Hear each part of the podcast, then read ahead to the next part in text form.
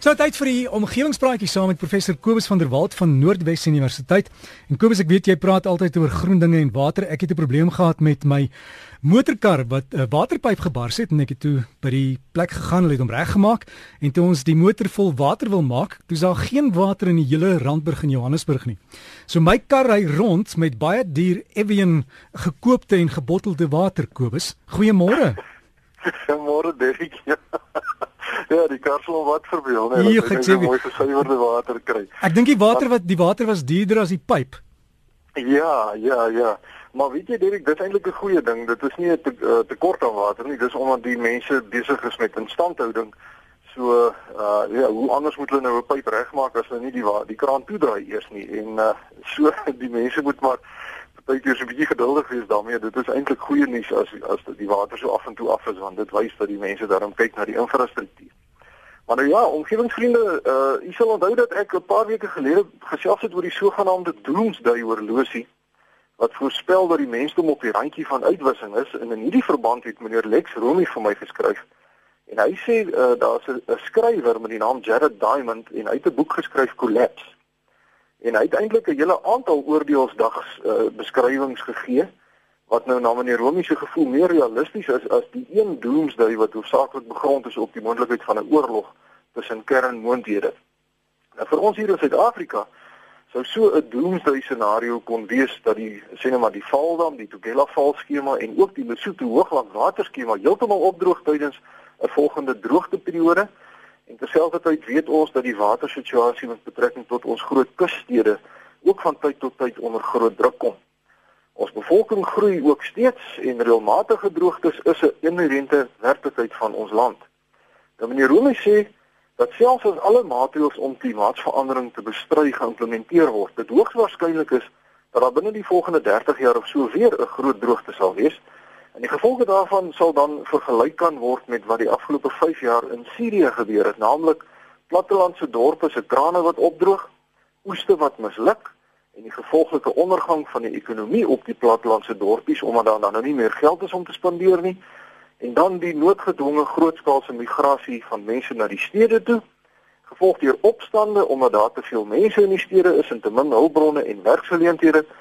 Soveel so dat dit met tyd kan ontwikkel in 'n burgeroorlog en daarna 'n reuse klomp mense wat vlug na ander lande toe met die gepaardgaande krisisse wat hierdie miljoene vlugtelinge dan sal inhou. Nou dis wat ons gesien gebeur het in in in in Sirië se wêreld.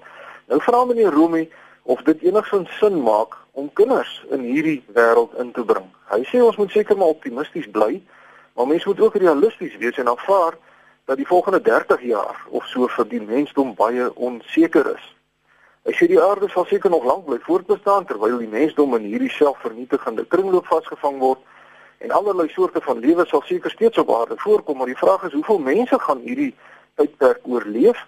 Waar gaan ons bly en onder watter omstandighede sal die mense dan 'n lewe moet probeer maak?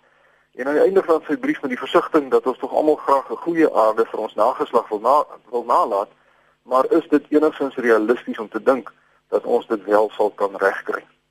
So dinge tans aangaan lyk dit nou nie vir hom so nie. Nou ja, baie dankie meneer Lex Romi vir die brief.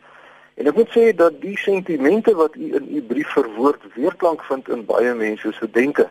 Die aarde is in die moeilikheid. Ons sien dat die klimaat besig is om teen 'n vinnige tempo te verander en ons meet die invloed daarvan op plante en diere wat besig is om uit te sterf teen 'n skrikwekkende tempo. Dit is regtig 'n skrikwekkende tempo. Die aarde word verder verswelg onder miljoene tonne afval en die mensdom se getalle groei steeds. Die Romiese scenario speel homself reeds uit op verskeie plekke op aarde, soos byvoorbeeld die enorme vlugtelingkrisis in Europa. En verskeie skermittelings is op aarde wat tans aan die gang is kan direk toegeskryf word aan 'n oorskryding van die omgewing se vermoë om die mense te onderhou.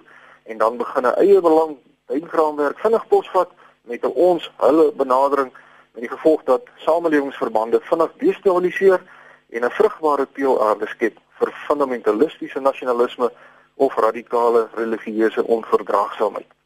Nou die Romeinse beskrywing van die Suid-Afrikaanse watersituasie is ook akkuraat. Want alhoewel dit hierdie jaar nou oor groot dele van ons land goed gereën het, het verlede jaar se droogte as ook die huidige droogte wat steeds voortduur in die suide en die westelike dele van ons land vir ons gewys dat Suid-Afrika baie kwesbaar is. En mense dink dan onwillekeurig oor die vraag of ons enigsins 'n toekoms hier in Suid-Afrika het. Ja, meneer Romee het my gevra wat ek hiervan dink en ek is dankbaar om te kan sê dat ek heelwat meer positief is oor die toekoms. Ek sien dieselfde bedreigings raak as meneer Romee, so ek is nou nie naïef nie. Maar die rede vir my optimisme is tweeledig, naamlik eerstens tegnologie wat verbuisterend vinnig ontwikkel en dan tweedens 'n snelle bewuswording by bykans alle mense dat die huidige situasie onvolhoubare is uh, onvolhoubaar is en dringende aandag nodig het. Die wêreldbevolking is besig om af te plat en die verwagting is dat ons oor 'n paar dekades gaan stabiliseer by omtrent 10 miljard mense wat binne die draagkapasiteit van die aarde is.